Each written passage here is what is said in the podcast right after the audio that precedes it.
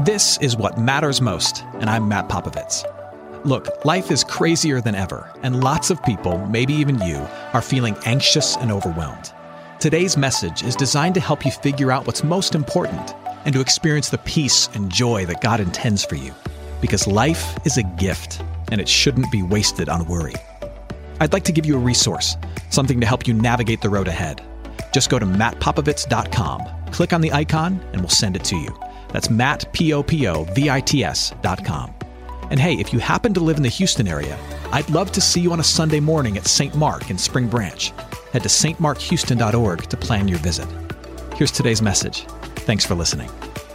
Now, if you've been coming to St. Mark for a while, you know that when I preach, I, I typically preach without notes.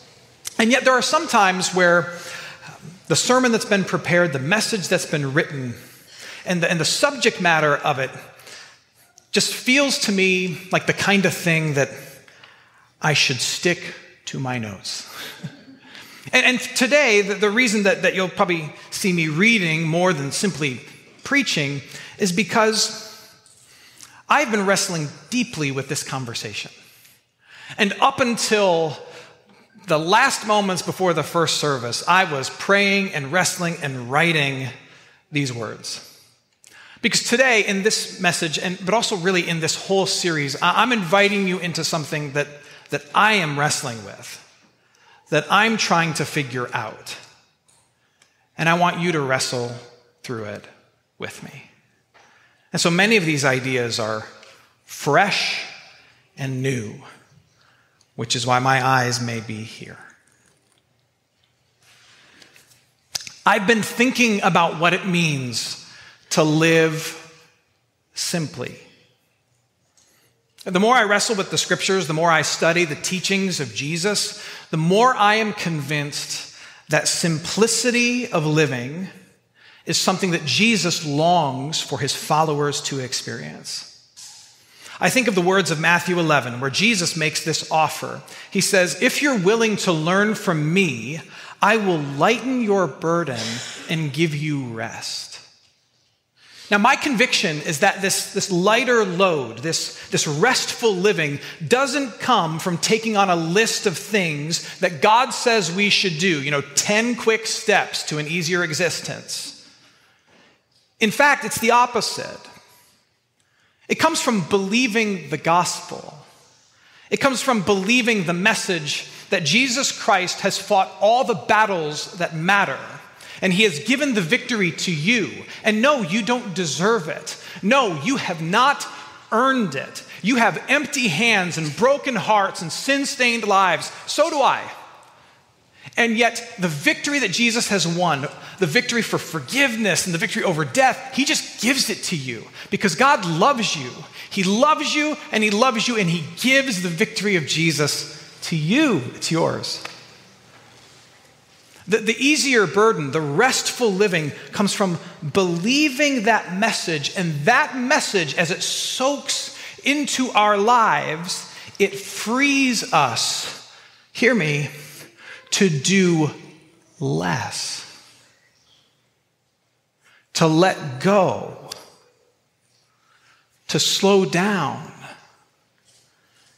and to focus on the things that truly matter. The message of salvation lightens our load by freeing us to simplify our lives. And this is not a new thought. Followers of Jesus for millennia have seen Christianity and simplicity as, as going hand in hand. But in recent years, as, as faith in Jesus has mixed deeply with modern Western culture, with our emphasis on success and achievement and attaining an easier life through acquiring more power and possessions, the simplicity of life that's meant to flow from the work of Jesus has gotten clouded, if not lost altogether. So, so here's the question that I'm wrestling with for myself, just quite honestly. What if we tried to bring it back? What if we, what if we, I and, and you and us together, what if we wrestled with the question uh, of this? How does the work of Jesus free me to live simply? How does it free me to simplify?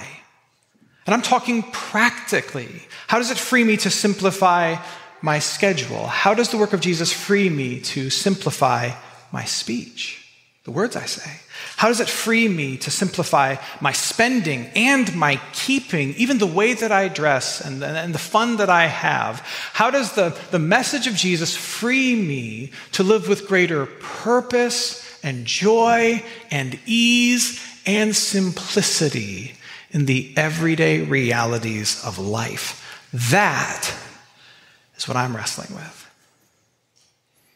Now, fair warning if you join me in this experiment over the next few weeks, you are going to have to join me in putting your life on the table, so to speak, and, and be willing to try some things out. Okay? But first, our journey towards simplicity begins with the pursuit of peace in heart and mind. Now, how do we get there? Well, I think it comes down to one thing. It comes down to the eyes. Follow me on this. This is Jesus' teaching, not mine. Uh, Jesus says this in Matthew chapter 6. He says, The eye is the lamp of the body. So if your eye is healthy, your whole body will be full of light. But if your eye is bad, your whole body will be full of darkness. And what Jesus is saying is this what you focus on out here, it fills you. It shapes you. It affects you in here. The eye is the lamp, shines a light into the body. So if you're, if you're looking at distracting, unhelpful, meaningless things, it's going to feed you with distracting and unhelpful and ultimately meaningless anxieties and worries and concerns. What you look at, what you focus on out here, fills you in here. And you know that this is true. Think about how you feel after an hour of sitting on the couch just scrolling your phone. Do you feel better? No. And if you say yes, you are a liar and this is church. Because I've got some science for you. There was a study published in December of 2018 in the Journal of Social and Clinical Psychology, it found that there is, quote, a causal link between the use of social media and depression. A causal link between the use of social media and depression. What we focus on out here affects us in here. So later, Jesus is, is teaching, and he's, he's talking about having more of that, that peace of heart and mind in your life. And he, he famously says, don't be anxious. We're all turned around in heart and mind about everyday things. Don't be anxious about clothing and food and health or other things. Now, what does Jesus tell them to do? Remember, for Jesus, it's all about the eyes, it's all about your attention. What does he tell them to do? Does he, does he just say, stop being anxious? No, he refocuses their attention. He refocuses their eyes. He says, in essence, your, your attention is the issue. You're staring obsessively at your possessions. You're focusing constantly on your position in life relative to other people and your accumulation of more. And, and look at what it's getting you. It's getting you exactly what you're experiencing all the anxiety, all the stress. Look at other things. Look at the birds, he says, the flowers, the grass, and see how God cares for all of it. Get your eyes off of yourself and see what God is doing around you to care for the world. But then, then he gives them what I think is the secret to a heart and mind ruled more by the peace of God. He says, put your focus ultimately in one place. If you've grown up going to church, and some of us have, you know these words, Luke 12 31, seek your Father's kingdom and all these things will be added to you. Hear what Jesus is saying. He's saying, disciples, followers, you are free to have a singular, simpler focus in life. Give your attention, your first and your best attention to God's kingdom, and the peace that you're pursuing through all these other things will be your possession. That's what he's saying. Followers of Jesus are invited to have a simple, if not singular, focus. It is the kingdom of God. And this focus on the kingdom of God grants peace. And that peace then flows through your hands and off your lips and through your eyes. And it changes how you live. Now, the right question to ask here is this Matt, what do you mean, or rather, what does Jesus mean by the kingdom? And how in the world do I sharpen my focus, my attention to be on that thing? Excellent questions. You guys are a really smart group.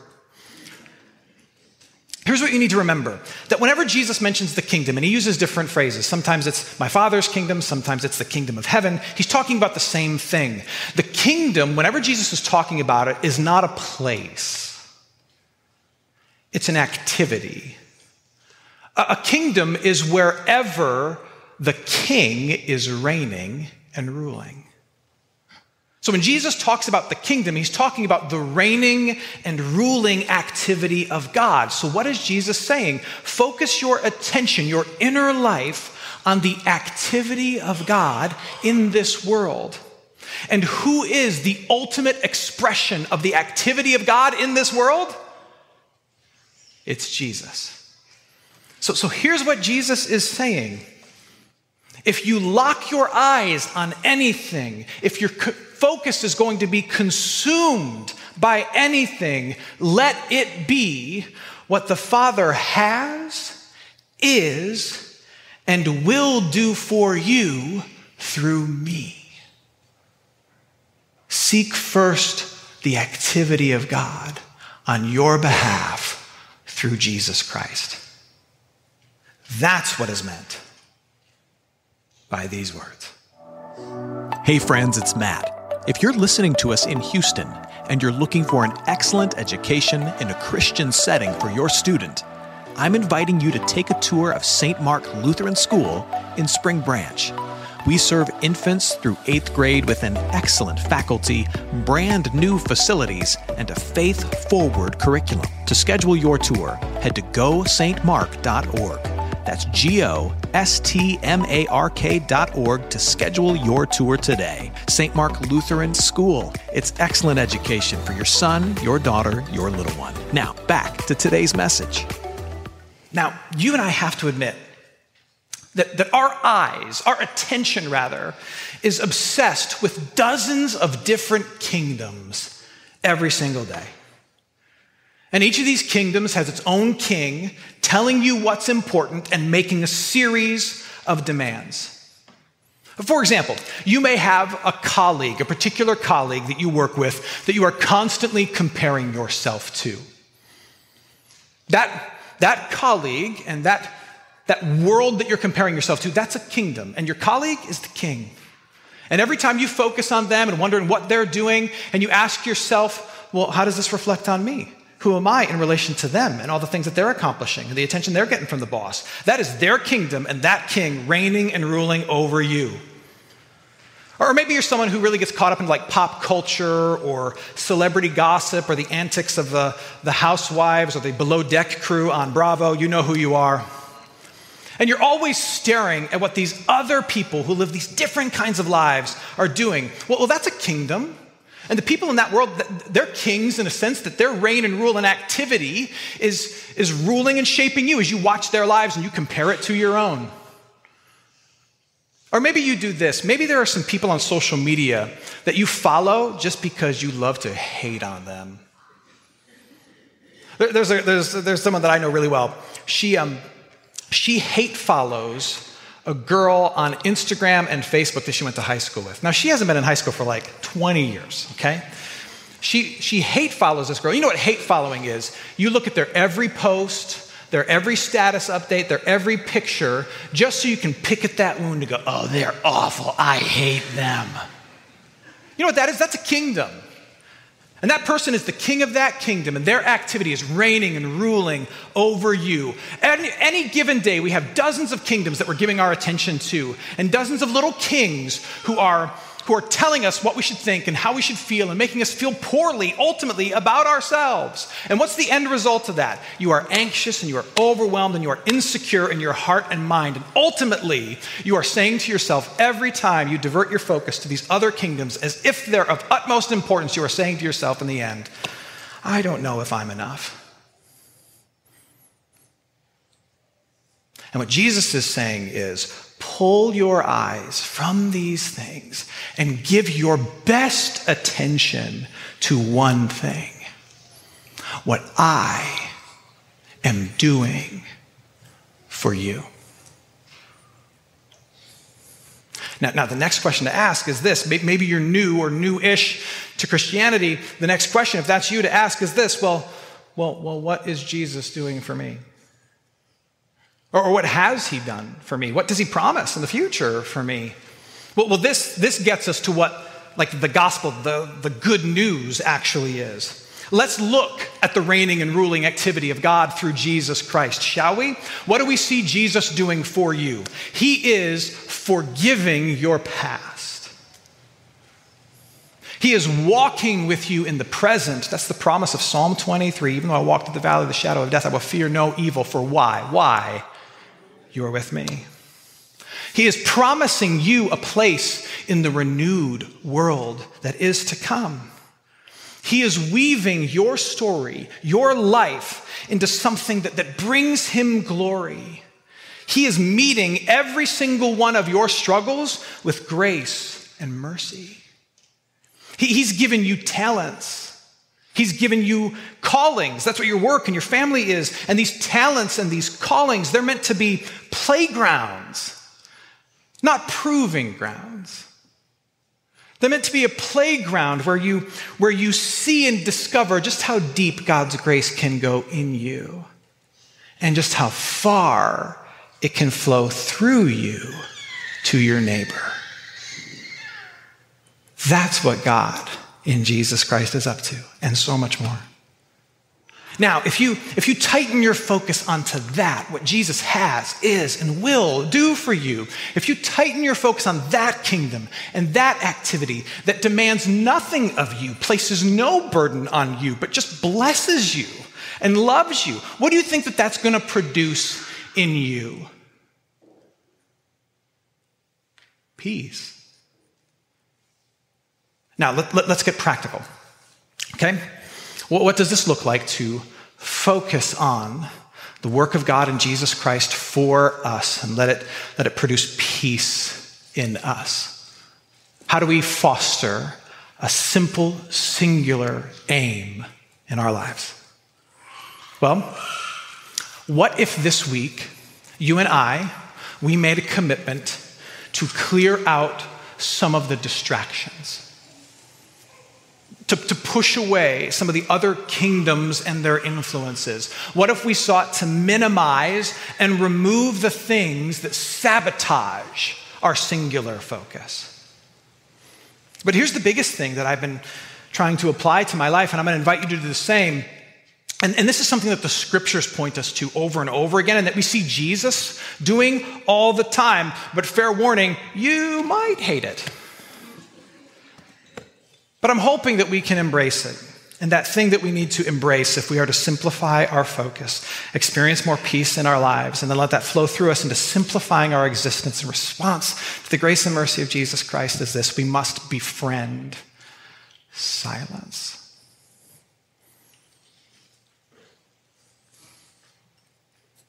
Silence so you can ruminate on the fact that in Jesus Christ you are loved and you are forgiven and you are defended and you are secure. Silence so you can feel the feelings and think the thoughts that typically get pushed away by an alert on your phone and actually process them through the lens of what you know to be true through Jesus Christ. Silence where you're not learning and listening to another podcast or replying to text messages or answering work emails or shaking your fist at the news. You're not giving attention to any other kingdom. You are just, as Jesus says, abiding. You are dwelling. You are reflecting on the truth that you are loved, forgiven, defended, and secure in Jesus Christ. And then you are pondering what that means in the callings that you have, in the demands of the day, in the gifts that you've been given. Here's my challenge for you, for us. The challenge is for you to enjoy seven minutes of silence each day for the next week. Why seven? Because five just felt like eh, nothing, and seven sounds kind of holy and spiritual. Seven minutes of silence and stillness. And, and, I'll give you a prompt, I'll give you a question to wrestle with in the middle of this silence and stillness. The, pres- the question is this Who am I in Christ? Sit in silence. Who am I in Christ? That'll draw you to these truths of I am, I am loved and forgiven, I am defended, I am secure. And, and then take those answers and, and then, then look at the to do list of the day, the conversations that you're going to have, the decisions you need to make, the stuff you're tempted to buy, the app you're, you're tempted to open. Like, review those things in light of these things, in light of who I am in Christ. That's, that's seeking first the kingdom and letting everything else be downhill of it. If you truly can't, then you're not as free as you think you are. A simpler focus on this stuff gives you a greater freedom. And Jesus goes, talks about this. Uh, after he talks about, you know, don't be anxious, instead he, he says this, he offers this. He says, sell your possessions and give to the needy. Provide yourself with money bags that do not grow old, with a treasure in the heavens that does not fail, where no thief approaches and no moth destroys. For where your treasure is, there will your heart be also. He says, seek first the kingdom of God and sell your possessions and give to the needy. Now, now, what is Jesus saying here? Jesus is not mandating that if you're one of his disciples, that you have to sell all that you have and give to the poor, that you have to invest every single earthly resource in the values of heaven. He's not saying that you have to. He's making a point that with a simple singular focus on the kingdom of God, you don't have to do that, but you can. You can. Because you have peace. So, if that's what faithfulness required of you, you could. Because you know what matters most. It's not this.